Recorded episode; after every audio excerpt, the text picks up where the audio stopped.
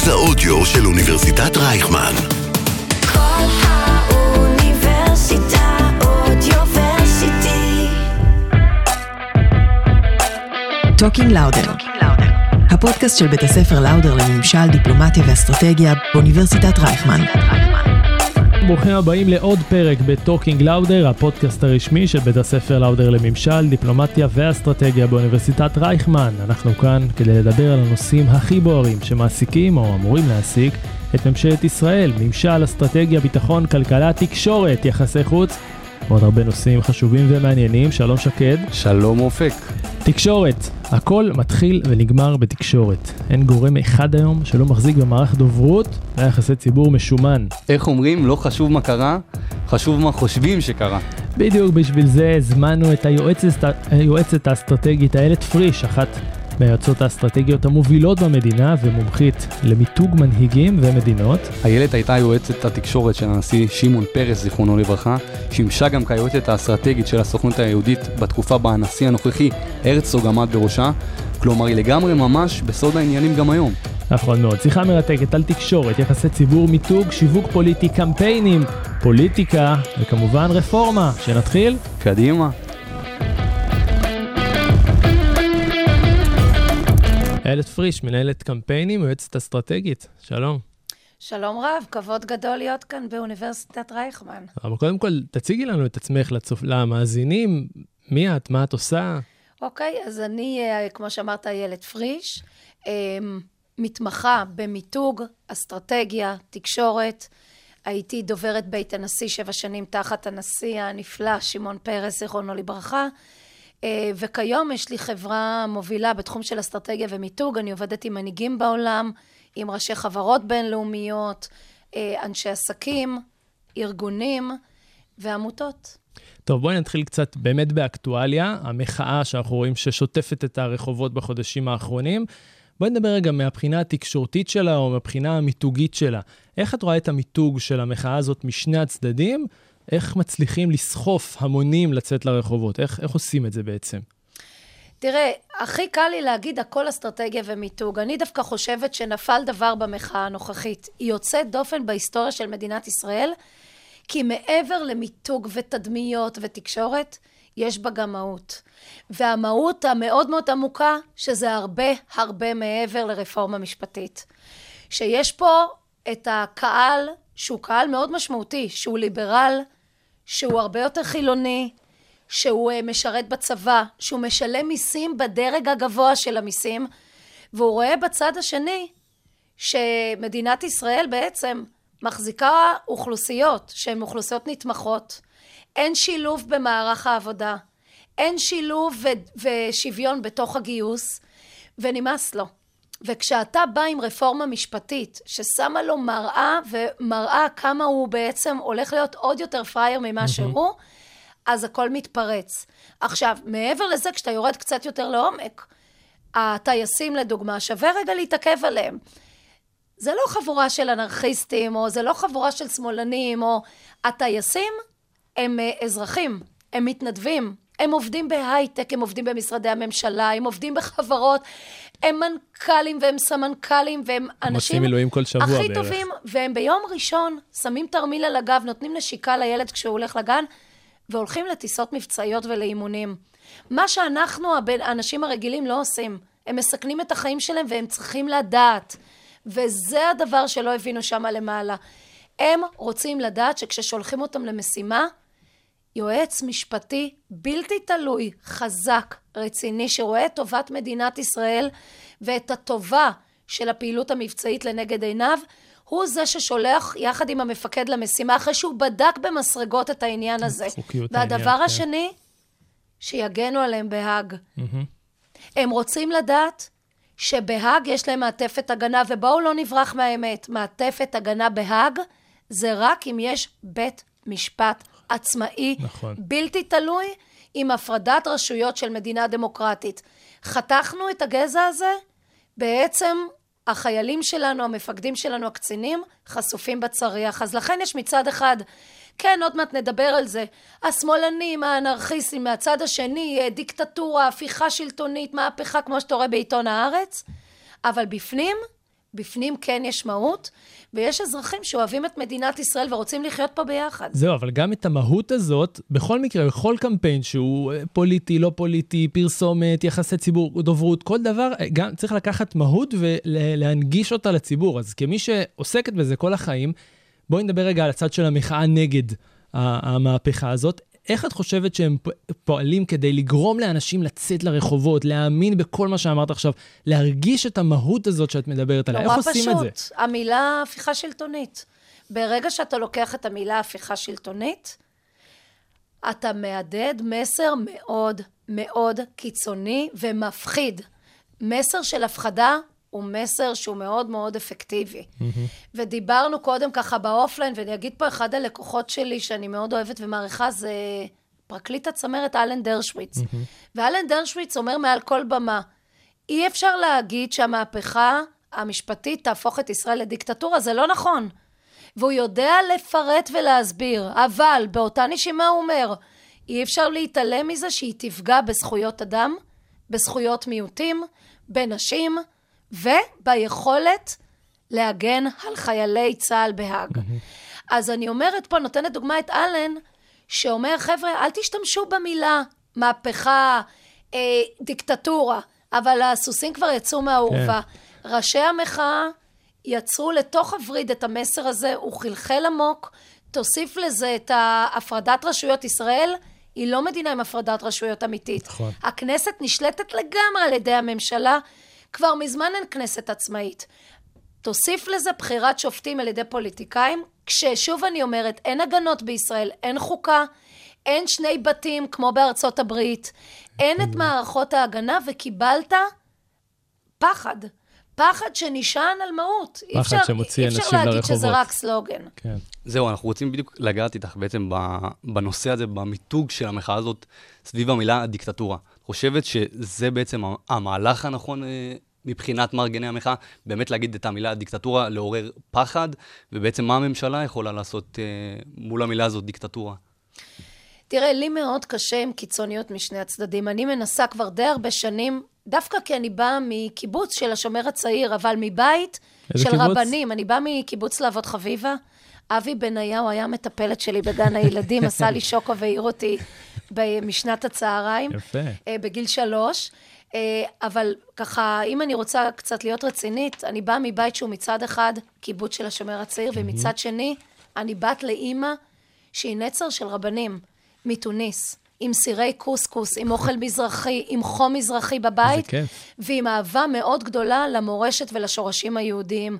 ואני מנסה בשנים האחרונות לנסות לא לקבל את התבניות ואת המוסכמות, ולנסות לראות באמת מה קורה. לשבת באולפנים, וגם כשאני אני אנצל את זה גם עכשיו, ולהוציא את המסכות מהפוליטיקה, מהתדמיות, מהניסיון לייצר לנו שטיפות מוח משני הכיוונים, ולראות קצת מהות. והמהות היא שמדינת ישראל חייבת שתהיה לה רפורמה משפטית. אני חושבת שיש על זה קונצנזוס. נכון. אני חושבת שמה שהנשיא אה, הרצוג שם על השולחן, אם נסתכל על זה בלי הפילטרים של התקשורת, והפילטרים של כל מיני אה, בעלי אינטרס, הוא הלך מאוד מאוד ימינה. מאוד. זה מתווה שהוא משנה סדרי עולם. ולכן אני אומרת, יש פה כן רצון, אם רק ישבו וידברו, לייצר את השינוי הזה. עכשיו, לא יכול להיות שמדינת ישראל, שיש בה אוכלוסייה גדולה מאוד, שהיא הרבה יותר שמרנית והרבה יותר דתית, והיא גם ימנית.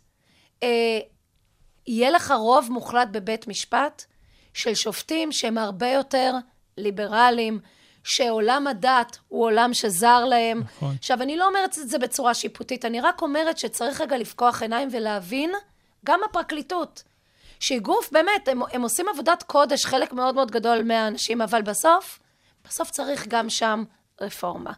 וגם בבית המשפט, וכשמבינים את זה, אז מבינים גם שצריך לשבת, להוריד רגע את הראש, להוריד את הלהבות הקיצוניות, ולהגיע לפשרה. אני מתפללת דווקא ברוח החג, אנחנו לפני פסח, שיגיעו לפשרה, והאמירות האלה, לפחות מסביבי, ביבי הולך לעקוץ, זה פייק ניוז. המשא ומתן הוא פייקי, כי בעצם הוא רוצה להרוויח זמן עם החגים הלאומיים. אני מתפללת לאלוה, לאלוהים שבאמת יהיה פה את השום שכל למען הילדים שלנו ולמען עם ישראל, וכן כן, יגיעו שנצליח. לפשרה. ואני מאמינה שהפשרה תהיה פשרה שגם בה היא תהיה עם אלמנטים מרחיקי לכת לעומת המצב הקיים. דיברת אה, קצת על הנשיא, דיברת על פשרה. אה, אני מחזיר אותך קצת אה, על השיחות שקורות היום. איך זה נראה בעצם מאחורי הקלעים כמי שהייתה ראש המערך הדוברות בבית הנשיא? איך נראה שיחות כאלה?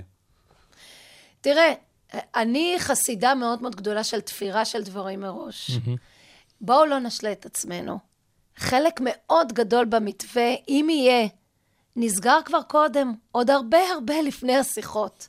עבודה אסטרטגית, פוליטית, מדינית, אמיתית, היא עבודה שאתה תופר בחוטים מאוד מאוד עדינים את הרקמה, אתה מזמין את הציבור ואת הארגונים להיות חלק ממנה, את הפוליטיקאים, ואז מודיע לקהל הרחב.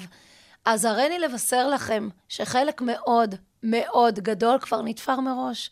ולא בקטע שלילי, בקטע חיובי, ככה עובדים ברמה גבוהה.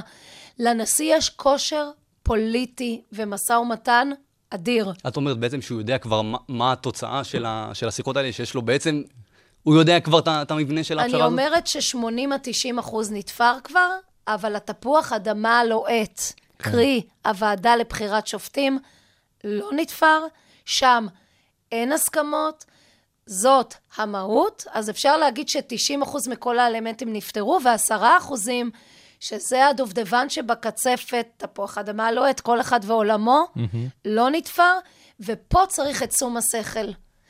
אם הפוליטיקאים יסכימו כל אחד בצד שלו להתגמש, יהיה מה שנקרא מתווה של שלום ופשרה, שיביא גם לשלום בעם ישראל, ואם לא, אני מאלה שרואים את התמונה בצורה קיצונית. אני חושבת שיישפך דם ברחובות. אבל יש... אני שומעת את הקולות שמגיעים אליי, אני מבועטת, וזה משני הצדדים, בואו נתבל, נתבלבל, זה לא רק מימין שתמיד מאשימים את הימנים באלימות, זה גם פה, אה, אני לא אגיד ראשי המחאה, אבל אלמנטים בתוך המחאה, שאם אתה מנטר את הרשתות, את קבוצות הוואטסאפ, את השיחות באונליין ובאופליין, אתה מגלה אמירות שהן גבוליות בצעד הבא, והצעד הבא יכול להיות נשק אמיתי ברחובות ואלימות, ואני מאוד מאוד מפחדת מזה. יש uh, סיבובים תקשורתיים כאלה שאנחנו רואים עכשיו, כי אנחנו רואים עכשיו את ההידברות בעצם מתחילה, ומצד אחד יש כאלה שאומרים שמראש היא נועדה לכישלון, כמו שהזכרת, ומצד שני אנחנו רואים כל מיני אה, עימותים, נקרא לזה ככה, למשל השבוע בין חילי טרופר ליריב לוין, קצת קרבות של ציוצים, זה מצייץ שלא, ידב, שלא ימנו שופטים הקואליציה, וזה אומר שהנה חילי טרופר לא רוצה אה, באמת אה, הידברות. עכשיו, את חושבת שיש בעצם בעניין הזה, בתוך ההידברות הזאת, גם כל מיני סיבובים תקשורתיים, ספינים, כל מיני מהלכים כאלה שמנסים לרכך את שני הצדדים, או איך, איך זה עובד בפנים, כאילו, מהבחינה הפוליטית? הפוך גוטה. וואלה. הספינים רק מקשים, והספינים נועדו לדבר אחד פסול ובזוי, הדהוד הספין לבייס. וכל בייס הוא שני קצוות. הבייס של חילי טרופר הוא בייס אחר לגמרי מיריב לוין. יריב לוין, אני מזכירה לכולם, הוא לא מהקרונות האחוריים של הליכוד. כן. הוא יצא מספר אחת בפריימריס של הליכוד. הוא מוביל קבוצה מאוד מאוד שמרנית, אולטרה שמרנית אה, ו- וחזקה בתוככי הליכוד. חילי טרופר, מי שמכיר, הפוך לגמרי. חובש כיפה, אך ליברל. בקיא ביהדות, אבל נגיש לגמרי לחילונים. גם וגם איש של פשרות. כן, איש של הידברות. הוא מדבר לבייס שלו, והוא אומר, בואו, אה, אנחנו אה, אה, עצרנו את החקיקה, הישג, טה-טה-טה-טה, ויריב לוין אומר הפוך. ייגמר הפייק של המשא ומתן, ואנחנו חוזרים לחקיקה, אה, לא עוצרים את זה, ואם תיגעו רק בוועדה לבחירת שופטים, הכל יתפוצץ. הרעה החולה זה הבייס. איפה אתה רואה מנהיגות אמיתית כשאתה מנתח מנהיגים בהיסטוריה של עם ישראל? מנהיגים שהתעלו מעל הבייס שלהם, מנהיגים שדיברו לקהל הרחב. למה אתה רואה את בני גנץ עולה בסקרים עכשיו? זה נורא נורא פשוט. רוב הציבור במדינת ישראל רוצה פשרה. נכון. רוצה שהמנהיגים טיפונת יעצמו עיניים, יתרחקו מהבייס כל אחד ויסתכלו על הבייס הרחב של המחנה המשותף. גם החמץ, זה הדוגמה הכי קלאסית. איפה הרעה הזאת התחילה? עם מרץ, בממשלה הקודמת. זה נקרא מטוטלת. כן. כשהורוביץ התחיל לדבר על פסיקת בג"ץ, לא צריך פסיקות. יום כיפור, רוב הציבור צם. נכון. יום כיפור, רוב הציבור מכבד. דרך אגב, רוב הציבור מכבד גם את נושא החמץ בבית חולים, אבל כשמתחילים לקחת את זה כדגל הבייס, אפרופו הבייס של מרץ, בל נתפלא שפתאום יש חקיקה שהיא איומה בעיניי. לנושא של החמץ, וצריך להבין, לציבור, אני דיברתי קודם על השורשים היהודים שלי, לציבור החרדי והדתי, יש את האיסור של חמץ בל ייראה. זאת אומרת, לא מספיק שבדלת אמותיהם הם עושים את לא ניקיון הפסח. אם הם יודעים שיש חמץ במחלקה, אל תטעו. יש רבים וטובים שאם הם צריכים פינוי לבית חולים, הם לא יתפנו. עכשיו, זה סכנת חיים. אפשר לזלזל, אפשר להיות כהי חושים. זה בדיוק המקומות שאפשר להגיע אליהם בהסכמה. מצד שני, למחנה הליברלי, והנה נגיע לזה, אולי אפילו נגיד את, זה ליאיר לפיד, שיש לך היכרות איתו, אומרים שיש אינטרס שהמחאה הזאת תמשיך, כי זה מעורר איזשהו בייס שאולי היה רדום, אולי לא ידע שהוא מחנה כל כך ליברלי. אז קודם כל, את חושבת שיש פה התעוררות של מחנה ליברלי בחודשים האחרונים, או שפשוט אנחנו רואים את כל התל אביבים יוצאים להפגין, כמו ש... רבים אה, אה, נוטים אה, להגיד מהצד השני, ואם כן, איך זה יכול להתבטא ב... נגיד בבחירות, כי אנחנו רואים שגנץ נוסק בסקרים, אבל לפיד עדיין לא נוסק עד הסוף, ועדיין יש כאלה שחושבים שהוא ינסוק, כי יש לו בייס שהוא מתדלק כאן. תראה, לפיד, לטוב או לרע, הוא מנהיג שהוא אידיאולוג. הוא לא מזגזג. מי שעוקב אחריו, ואני עבדתי לצידו, יודע שהוא מקצוען אמיתי בקמפיינים, באסטרטגיה. לפעמים זה יכול להוציא מן הדעת. אני, אחד הדברים הראשונים שהתחלתי לעבוד איתו, ואמרתי לו, זה אחד התנאים שלי, זה תתפייס למען השם עם החרדים. וביום הראשון שאתה ראש ממשלה, עלית לקבר של אביך, שזה מדהים, כבד את אביך ואת אמך, ומיד אחר כך, לך לכותל. לכותל, כן. לסמל הסמלים של העם היהודי. הוא לא הלך לכותל. נכון. יאיר לפיד בנושא הזה הוא מאוד מאוד מאוד מאוד עיקש. עכשיו, הוא ניסה להתפייס, אם אתה זוכר, הוא ניסה לבקש סליחה מליצמן, הוא ניסה להתקרב, אבל היו כמה צעדים שהוא ביצע שהם היו מאוחרים מדי.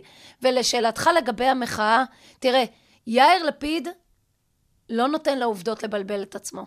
הוא רואה את ההמונים, הוא מבין שזה כוח אדיר שצריך לתעל את האנרגיה הזאת לכיוון הפוליטי. הוא לא מסתכל על הטווח הקצר.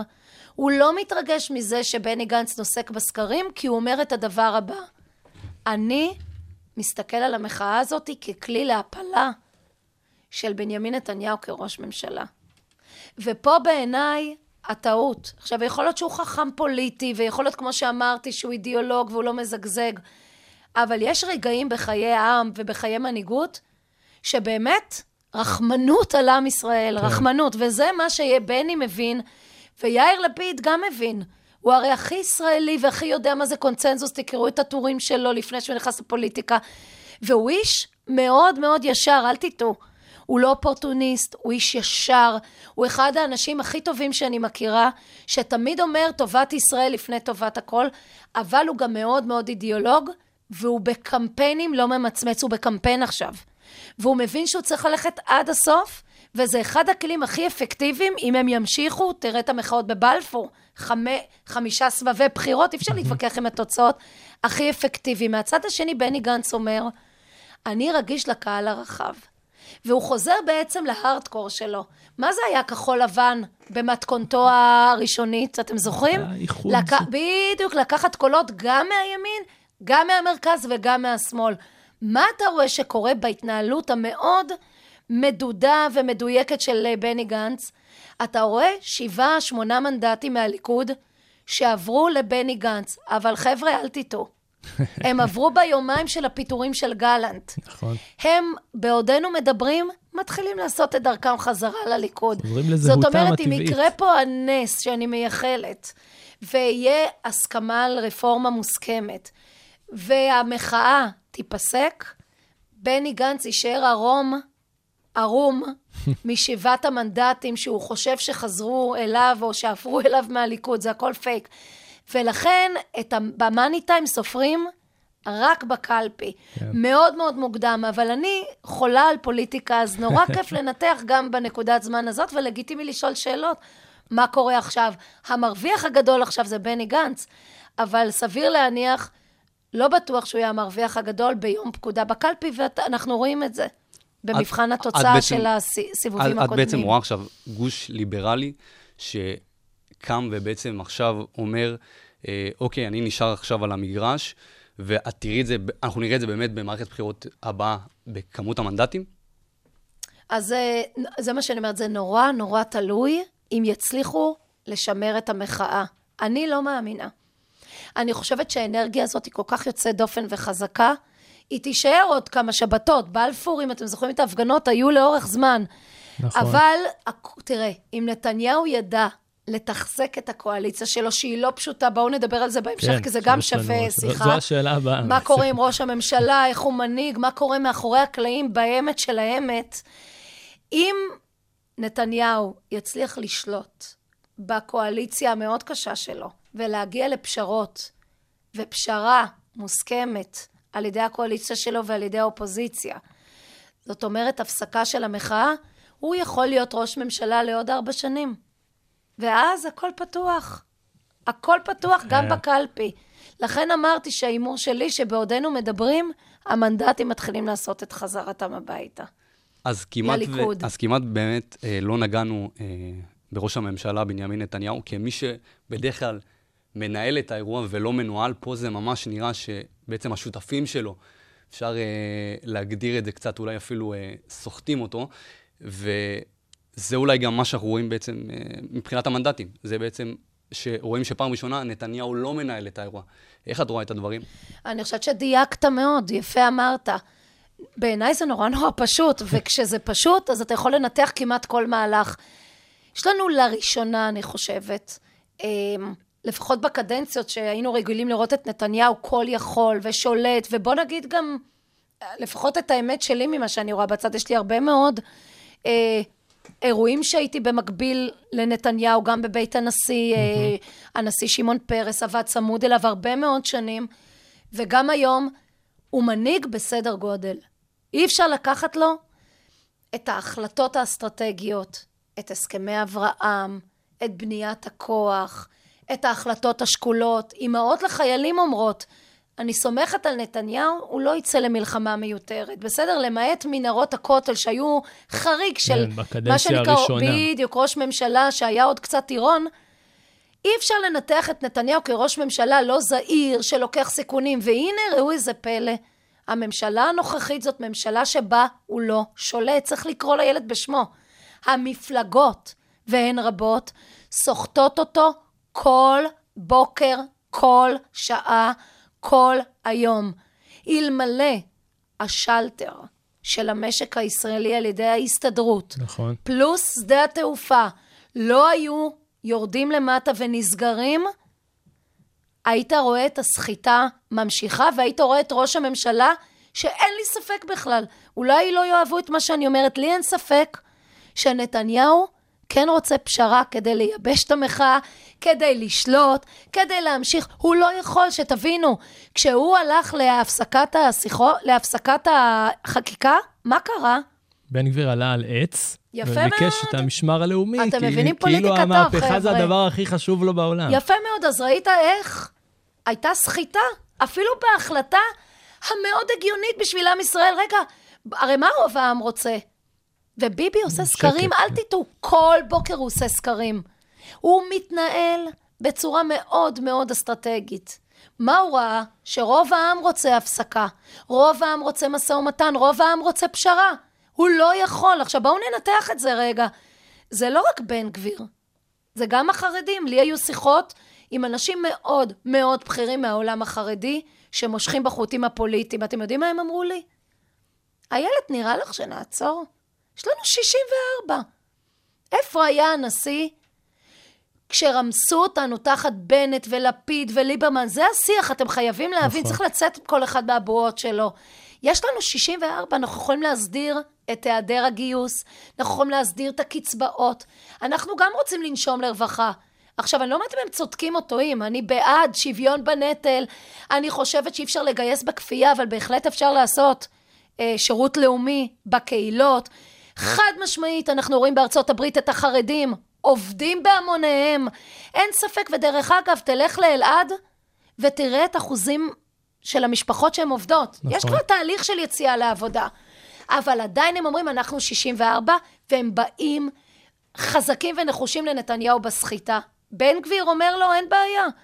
מה אתה חושב? קיבלתי 14 מנדטים על משילות. אפס משילות, הוא לא טיפש. הפשע בתקופה של השלושה חודשים, חבר'ה, תסתכלו על הנתונים, רק עולה וגואה. נכון. עכשיו, הוא לא אידיוט, הוא יודע שהוא יתרסק ב- בסיבוב הבא. אז הוא שם אקדח ואומר לנתניהו, אתה רוצה את ברכתי להפסקת החקיקה? אין בעיה. כן, למשמר לאומי. תקים לי אה, מיליציה פרטית, משמר לאומי, עכשיו- ותן לי מיליארדים. ועוד לא הגענו לסמוטריץ', ששם אה, פתק. הוא לא היה צריך לעשות הרבה עם הקמת הממשלה. שר במשרד הביטחון ושר אוצר, ביי, ביבי, ביי. תוך דקה טלפון, כל מה שהוא רוצה הוא מקבל. אני בטוחה שראש הממשלה נתניהו סולד מכך. אני בטוחה שהוא לא פילל לממשלה כזאתי, אבל בסוף יש מחיר לכל דבר. אני מזכירה לכולם, בני גנץ, אני אגיד את זה בצורה בוטה, בגד במחנה שלו, תקע לממש- סכין לשותף שלו המרכזי, יאיר לפיד, בסדר? אני, דרך אגב, הייתי מהתומכים של המהלך. שוב, כי אני מנסה, כמו שאמרתי לכם, להסתכל על. טובת העם. אני ישבתי באולפנים ואמרתי, טוב עושה בני גנץ. צריך שתהיה ממשלת אחדות, או ממשלה לפחות עם זרוע ששומר על שלטון החוק, ושומר על המוסר, ושומר על, על הצבא, ושהוא הגון. אי אפשר להגיד על בני גנץ שהוא לא הגון, אני הראשונה שאמרתי, ומה קרה אחרי חודשיים? אכלתי את הכובע. כן. נתניהו לא העביר תקציב, אני מזכירה לכם, זה לא דבר קטן לעצור תקציב ובעצם לתקוע סכין עכשיו בגב של בני גנץ. זה מה שקרה.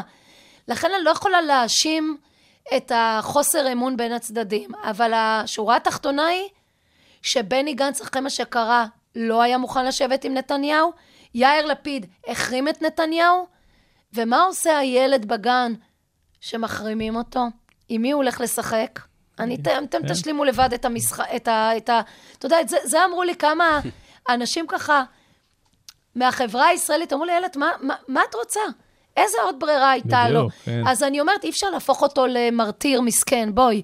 אה, בואו, הוא הרוויח את זה ביושר ביחס שלו לגנץ, אבל בשורה התחתונה, החרימו את נתניהו, הוא הקים ממשלה עם זרועות קיצוניות, הוא הקים ממשלה... כן, עם בן גביר שהוא פעם לא היה מוכן להצטלם איתו אפילו. ב- ב- מה זאת אומרת? הוא התרחק. מהבמה, הוא לא העז להצטלם עם בן גביר. עם בן גביר, למה? כי הוא הבין שזה עושה לו נזק בקהל הרחב. בקרב השלושה, ארבעה מנדטים בליכוד שהם ליברלים, שהם לא אוהבים את הקיצוניות הזאת. והוא נלחם על כל קול, ועכשיו הוא בממשלה הכי לא נוחה לו. אפשר להגיד עד מחר ימין מלא מלא, זה הקהל שלי, ממש לא. הוא קם בבוקר, והוא כל הזמן צריך ביד אומן לנהל את הסחיטה. יש את הפואמה על השחיטה, כאן זה הפואמה על הסחיטה. אני חייב להגיד ש... אה, ואז שקד ישאל, נתניהו אף פעם, לדעתי, אף פעם לא היה מהפכן. גם, גם, זה בא גם מאבא שלו, הוא לא היה אדם מהפכן, הוא לא מנהיג מהפכן, הוא לא מנהיג שמחפש לעשות עכשיו רבולוציות ומהפכות, הוא בסך הכל מנהיג ש... שהוא מאוד שמרן, מאוד אוהב, גם בסכסוך הישראלי-פלסטיני, אוהב לנהל את הסכסוך, גם בכלכלה אוהב לקדם אותה צעד אחר צעד. הוא לא עכשיו איזה איש של אה, מהפכות, נכון. ופתאום בקדנציה הזאת הוא... הוא, הוא נהיה איש של מהפכות, אבל אני לא חושב שזה, שזה הוא, אני חושב שזה אבל יותר... נתתם ה- תשובה. הנה, דיברנו על זה הרגע. זה לא, זה ידי נתניהו, אבל המושכים בחוטים זה עשיות. עכשיו, לראשונה, והוא לא מכיר את זה, זה מאוד מאוד קשה. לא אמרנו עוד סיעה, הסיעה של יריב לוין. קודם ציינו שהוא הגיע הליכוד מקום ראשון. שבתוך הליכוד. יש לו שם בין שישה לשבעה חברי כנסת לעומתיים, אנטי-ליברלים, שמרן, אולטרה שמרנים, שהם יעשו הכל לרסק, מה שנקרא, את ההסכמות, ולעשות את ה-V הענק בבחירת שופטים. עכשיו, יריב לוין יעמוד על הרגליים האחוריות, זה התפוח האדמה הכי לוהט וקשה של נתניהו. איך הוא משכנע את יריב לוין להתפשר? על הוועדה לבחירת שופטים. תדבר עם חילי, תדבר עם בני גנץ ותראה שהם לא מתכוונים להתפשר. להתפשר. לכן אמרתי, על זה יקום וייפול. אני לא מקנאה בראש הממשלה בנימין נתניהו, קדנציה מאוד מאוד קשה, ואתה צודק, הוא לא איש של מהפכות, הוא איש אבל שכן בא מבית אידיאולוגי של היסטוריון. הוא האמין שנים, והוא הצליח בזה, שלא חייבים לחתום הסכמי שלום, כשבתוך המשוואה יש את העם הפלסטיני. הוא הוכיח את זה ביג טיים בחיבור שלו עם ממשל טראמפ ובהסכמי אברהם. אי אפשר לקחת לו את זה ואי אפשר להתכחש להישג הענק. מיד נגיע גם ליחסים האמריקאים. הבעיה. שלו שהוא... המנה העיקרית בהסכמי השלום זה לא האמירויות, זאת סעודיה. ופה זה עסק הרבה יותר מורכב. כדי להשיג את ההישג הזה שנתניהו מאוד רוצה ואמן שהוא יצליח, פה אי אפשר לעשות ביד אחת שלום, וביד השנייה לשמור על יחסים נאותים עם האמריקאים, עם הסעודים. עם המפרציות, ובו בזמן להיות סחיט עם עלייה להר הבית, עם הקרבת קורבנות בהר הבית, עם סחיטה, עם למחוק את חווארה. יש פה קולות קיצוניים שהורסים ממש למדינת ישראל, ואני בטוחה שנתניהו לא שבע רצון מהם. אז בתור יועצת אסטרטגית, אם נתניהו היה בא ואומר לך, איילת, מה אני צריך לעשות? מה יכול להיות? שהוא עושה נורא את זה גם, לא? פשוט. נורא נורא פשוט. שאלה רק אם הרכבת לא יצאה כבר אה, והוא איחר אותה. ללכת לבני גנץ. לבקש, אני סברתי שאחד המהלכים הכי טובים שהוא היה עושה, אבל שוב, הוא פחד מהבייס שלו, זה בקמפיין לעלות על במה, ועם ישראל אוהב את זה, ולהגיד, בני גנץ, אני רוצה לבקש סליחה. טעיתי ביחס שלי אליך, טעיתי ביחס ובהתנהגות שלי כלפיך, ואני רוצה לפתוח את הדלת ולבקש סליחה. אני חושבת שהוא היה מרוויח המון נקודות. באופי של בני גנץ והקהל שלו, בני לא היה יכול לסרב לדבר כזה. הוא לא סרבן, אתה רואה גם בהתנהלות שלו, ויכלה להיות לו ממשלה הרבה הרבה יותר מתונה וטובה, ולא אלימה, ולא גזענית, שהוא היה ישן טוב בלילה. אתה יודע, גם לישון טוב בלילה מגיע לראש ממשלה, ולנו, האזרחים, אנחנו כמו בטרללת. קמים בבוקר ואומרים, מי עוד עכשיו שובר לנו את הכד עם החלב בפנים? רואים בשבוע האחרון אה, מחאות גדולות שיוצאות מהימין, ו, ובמחאות האלה אה, אה, אומרים האנשים, אני לא אזרח סוג ב'. עכשיו, נראה שזה ה... מה, יש פה איזשהו רצון שזה יהיה הסלוגן הפוליטי אולי של המחאה, אני לא אזרח סוג ב', הקול שלי חייב להישמע. מה, מה את חושבת על, ה, על השיטה הזאת לתדלק את הבייס? דיברנו על לתדלק את הבייס שוב, מצד אחד. שהיא ו- שיטה מאוד מאוד אפקטיבית, שהיא בזויה בעיניי. ש- היא בזויה כשהיא באה מהמנהיגות שלנו. היא אפקטיבית מאוד בהנעת קמפיינים. בואו, ראינו קמפיינים במשטרים מאוד חשוכים, שאפשר לתת מה שנקרא מדליית זהב לאפקטיביות ומדליית, אני קוראת כן. לזה גיהנום לשפל המוסרי. עכשיו, אני בזה לזה. שוב, סיפרתי לכם מאיפה אני באה, אני בזה לזה. ואני בזה לזה שממשיכים להנציח את הפערים, וממשיכים להנציח את ישראל השנייה, ולא מבינים שבסוף הכל מתחיל ונגמר בתקציבים ובחינוך. כן, יש ישראל שנייה. חד משמעית. כשלפני חמש שנים, שש שנים, קיבלתי טלפון, איילת מבקשים שהנשיא פרס, הוא כבר סיים להיות נשיא, אני קוראת לו נשיא גם היום, השתתף בקמפיין חמש יחידות מתמטיקה, יחד עם נפתלי בנט, ואני זוכרת את האנשים מסביבי, אצל פרס, איילת בנט הוא ימני, הוא חשוך, הוא היה שר החינוך באותה תקופה. הוא היה שר. חינוך, ואני אמרתי, הייתי בדעת מיעוט, שאני שמחה שהתקבלה, ואמרתי, מה פתאום? זה חינוך, אין פה ימין ושמאל. פרס חייב להתייצב לצידו של בנט כשר חינוך, ולסייע בחמש יחידות. ואז אתם יודעים מה גיליתי? גיליתי משהו נוראי שמבחינתי הוא מדיר שינה מעיניי, ולא ידעתי. שבחצור הגלילית אין כיתה של חמש יחידות אז. אתם מעלים על דעתכם ילד שנולד בחצור הגלילית, וילד שנולד בהרצליה, וילד שנולד ברמת השרון, וילד שנולד בקיבוץ להבות חביבה בקיבוץ שלי, יש להם הכל. יש להם חמש יחידות בסייבר וברובוטיקה ובאנגלית ובמתמטיקה, וההורים יודעים לתת מעטפת של שיעורים פרטיים. אבל אז אתה מרים עיניי ואתה אומר, למי אנחנו באים בטענות? הרי יש ראש ממשלה ויש שר חינוך. אז במקום ללחוץ על הדבר הזה העדתי, ומה שנקרא אשכנזים מול מזרחים, וישראל ראשונה וישראל שנייה, בואו תלחצו על בסיס התקציב שלכם, בואו תעשו מהפכה אמיתית. בואו תיתנו הטבות מטורפות למורים, ותפתחו עוד כיתות של חמש יחידות. אני הייתי לא מזמן באופקים עם אחד הלקוחות שלי. אם הוא לא מחזיק את המקום ברובוטיקה, מכסף פרטי שלו, תעשיין, מדהים. אז אין מגמה של רובוטיקה, זאת אומרת, לפחות במרכז חדשנות שאני ביליתי בו, שיש שם אישה נפלאה שבעיניים בורקות אמרה, אל תפסיק את התרומות, כי זה העתיד של הילדים. כן. איך ישראל מגיעה למצב כזה? ואני מזכירה לכולם, אנחנו אחת הכלכלות החזקות בעולם. הצמיחה לפני המחאה החברתית, הרפורמה המשפטית וכל המחאה, הייתה באחוזים באמת הגבוהים בעולם. הכלכלה הראשונה גאה- שיצאה מהקורונה, כמו מטורף, שצריך, צריך להגיד, מט- גם בזכות החיסונים וגם בזכות מהלכים ממשלתיים חד. משמעית, ואתה יודע, קטר ההייטק מזרים מיסים, והאנשים יוצאים לעבוד, ואנחנו מדינה של עובד, באמת, של אנשים שעובדים מסביב לשעון, מדינה חרוצה, מדינה יוזמת, מדינה עם חוד חנית טכנולוגית. אבל זאת מדינה שלא יודעת לתרגם את הגידול בכלכלה ואת התקציבים ואת הכסף הרב, הרב העצום שיש בקופת האוצר, לטובת השכבות החלשות. וזה הכאב הכי גדול שלי. הכי קל לעשות קמפיין שחור. אבל בואו תשנו. ונתניהו בשלטון 12 שנים. זה המון. אבל זה נוח ל- ל- אני, לפוליטיקאים נורא קשה לי להשחיר. להגיד, הם רוצים להשאיר את המצב הקיים, אני לא אגיד את זה. כי ילד הוא ילד הוא ילד, הנפש שלו, הזכות שלו לא, לא להיות ילד מוסלל היא הכי חשובה בעולם. כשראיתי את זה בחצור הגלילית, שאין את החמש יחידות, אמרתי, בעצם מה קורה פה? הם מסלילים את הילדים ישר לפרי גליל, למפעל השימורים, כן. שיעמדו שמה על פסי הייצור. זה מזעזע. בזה צריך להילחם. ובזה התקשורת צריכה להתעסק.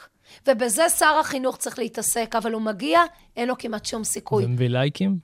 אני שואל את זה בכנות. ברור, ברור, ברור. כי האוכלוסייה שמרגישה מקופחת, שלא היה לה את החמש יחידות, שאין שום סיכוי לילדים שלהם, ובוא נגיד את האמת, להגיע ל-8200, אפשר עד מחר לעשות מהפכות ב-8200, הם לא יגיעו ל-8200. כי ל-8200 מגיעים ילדים של חמש יחידות פיזיקה וכימיה ומתמטיקה וסייבר. בואו לא נרמה את עצמנו. וילדים שקיבלו תגבור בבית, כי אבא שלהם יודע לשלם למורה פרטי. אז תתכבד מדינת ישראל אם היא רוצה שישראל השנייה תהיה ב-8200 ותעביר תקציבים ומעטפת, ותשאיר את הילדים עוד שעות בבית הספר, כן. לא לבית הספר של החופש הגדול, שזה בולשיט. נגמר השנת הזה של הלימודים, להורים אין כסף למורים פרטיים, לא יהיה להם כסף. זה בסדר, תנו להם. מדינת ישראל, תני לילדים האלה. ושלא נתפלא, אנחנו חיים בצביעות שהיא מטורפת, אבל היא איומה. וצריך להגיד את זה עוד פעם, הילדים האלה לא יגיעו ל-8200. כן. אפשר עד מחר לספר סיפורים ולהראות שיש מהפכות. הצבא מאוד כנה בניסיון שלו למהפכה, אבל זה מתחיל בכיתה א'. כן. אה, דיברת ככה בין השורות שלך על אה, תקשורת. אז היינו רוצים לשאול אותך בעצם, מה התפקיד של התקשורת במשבר הזה, אה, וכמה אפשר להאמין לה. יש בעצם ערוץ ימני, ערוץ 14, וערוץ עם קו, אה, נגדיר את זה, שמאלני יותר אולי, ערוץ אה, 13, והעיתונים בעצם הם, אה, העיתונאים הם בעצם גם חלק אה, מהסיפור. אה, איך את רואה את התפקיד של התקשורת עכשיו, בימינו? תראה, אני חושבת שהתפקיד הראשי של התקשורת זה לנסות להביא מידע כמה שיותר עמוק ומקיף, וזה קשה. קשה להנגיש להמונים במהדורה שהיא יחסית קצרה. כן, מה זה הוועדה חומר- לבחירת שופטים? חומר שהוא מורכב. אז אני אומרת, האתגר הגדול בעיניי של התקשורת זה כן להיאבק על זה ולנסות, וזה עניין של אומנות, זו אומנות של דחיסת מידע, זו אומנות של לנסות לייצר פשטות במורכבות, לא להרים ידיים מהיכולת לתת סיטואציות שהן מורכבות ומשמעותיות. אני יכולה לציין למשל, ת- תעקבו אחרי דפנה ליאל לדוגמה. באמת, שבעיניי גם אישה, גם אימא, גם עיתונאית שהיא, אי אפשר להגיד עליה שהיא רדודה, אפשר לאהוב, לא לאהוב. אבל כשאתם מדברים איתה ואתם שואלים איך היא מתכוננת למהדורה, היא יושבת ועושה שיעורי בית. היא קוראת את החומר לעומק. היא יושבת עם השופטים, היא יושבת עם האופוזיציה, היא מנסה להבין לעומק על מה נוגע בנקודות הכואבות של מתנגדי הרפורמה ומה נוגע בנקודות המאוד קשות של מי שמקדם את הרפורמה. והיא מנסה לפחות כל ערב, גם במסך שמאחוריה, בגרפיקות, במספרים, בטקסט, לנסות לייצר מה שנקרא כמה שיותר מידע. עכשיו, לצערי, אין הרבה כאלה. רוב המידע שמובא הוא מאוד מאוד שטחי.